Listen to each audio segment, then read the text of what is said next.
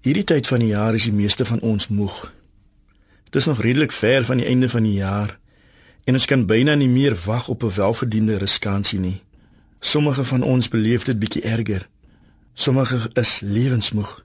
Daardie tipe moeg wat nie eens deur 'n lekker vakansie sal verdwyn nie, want dit is moeg wat veroorsaak is deur die pyn van die lewe, werkloosheid, finansiële probleme, moontlike egskeiding of miskien het jy 'n kind of 'n ouer aan die dood afgestaan.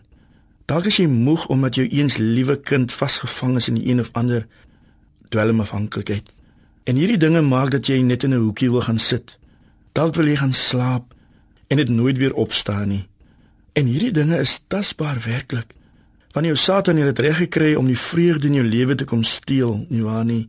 Jy het dalk met dit wat jou kwel, jou na vriende of familie gewend en uitgevind hulle kan nie help nie of die hulp wat aangebied word is net tydelik van aard.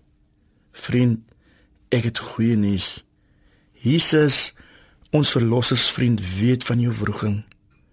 Al ervaar jy dit nie nou nie, sê ek vir jou onomwonde. Jesus weet van jou.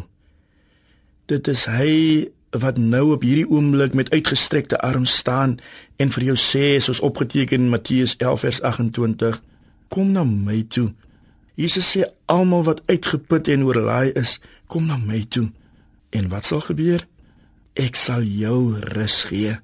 Wanneer iemand 'n uitnodiging aan jou rug na 'n geleentheid, soos 'n troue of verjaardag, dan het die persoon wat die uitnodiging stuur aan jou gedink. Wanneer almal kan genooi word nie.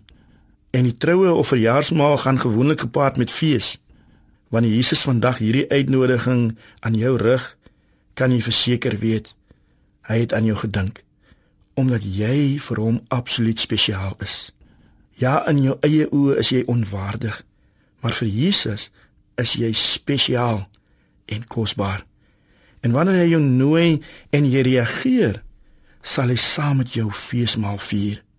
Ja, jy kan verseker weet, by Jesus alleen sal jy rus vind. Daarom kan jy kom net soos jy is te midde en ten spyte van die omstandighede is jy altyd by hom welkom. Kom bid saam. Dankie Here dat U ook aan my dink. Soms is ons ongehoorsaam en deur ons eie toedoen raak ons lewens moeg. Help my om op U uitnodiging te reageer sodat ek U rus en vrede mag ervaar.